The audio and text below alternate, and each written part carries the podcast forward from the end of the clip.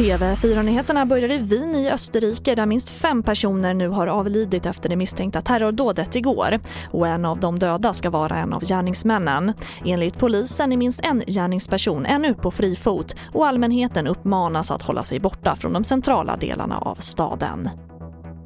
Och sen till USA som går till val idag. Opinionsmätningarna visar att det är mycket jämnt mellan Biden och Trump i flera delstater och kampen om rösterna har pågått för fullt. Vår reporter Thomas Kvarnkullen rapporterar från Phoenix.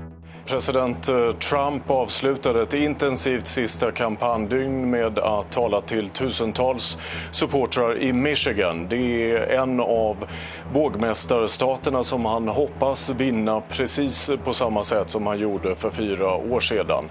Och spänningen stiger nu verkligen här i USA när de som inte redan har förtidsröstat snart kommer att ta sig till vallokalerna.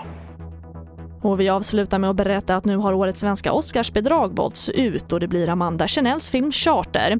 Filmen handlar om en mamma som tar med sina barn till Teneriffa mitt i en uppslitande vårdnadstvist. Och det här är hennes andra regisserade långfilm efter debuten Sameblod. Och det får avsluta TV4-nyheterna. Jag heter Charlotte Hemgren.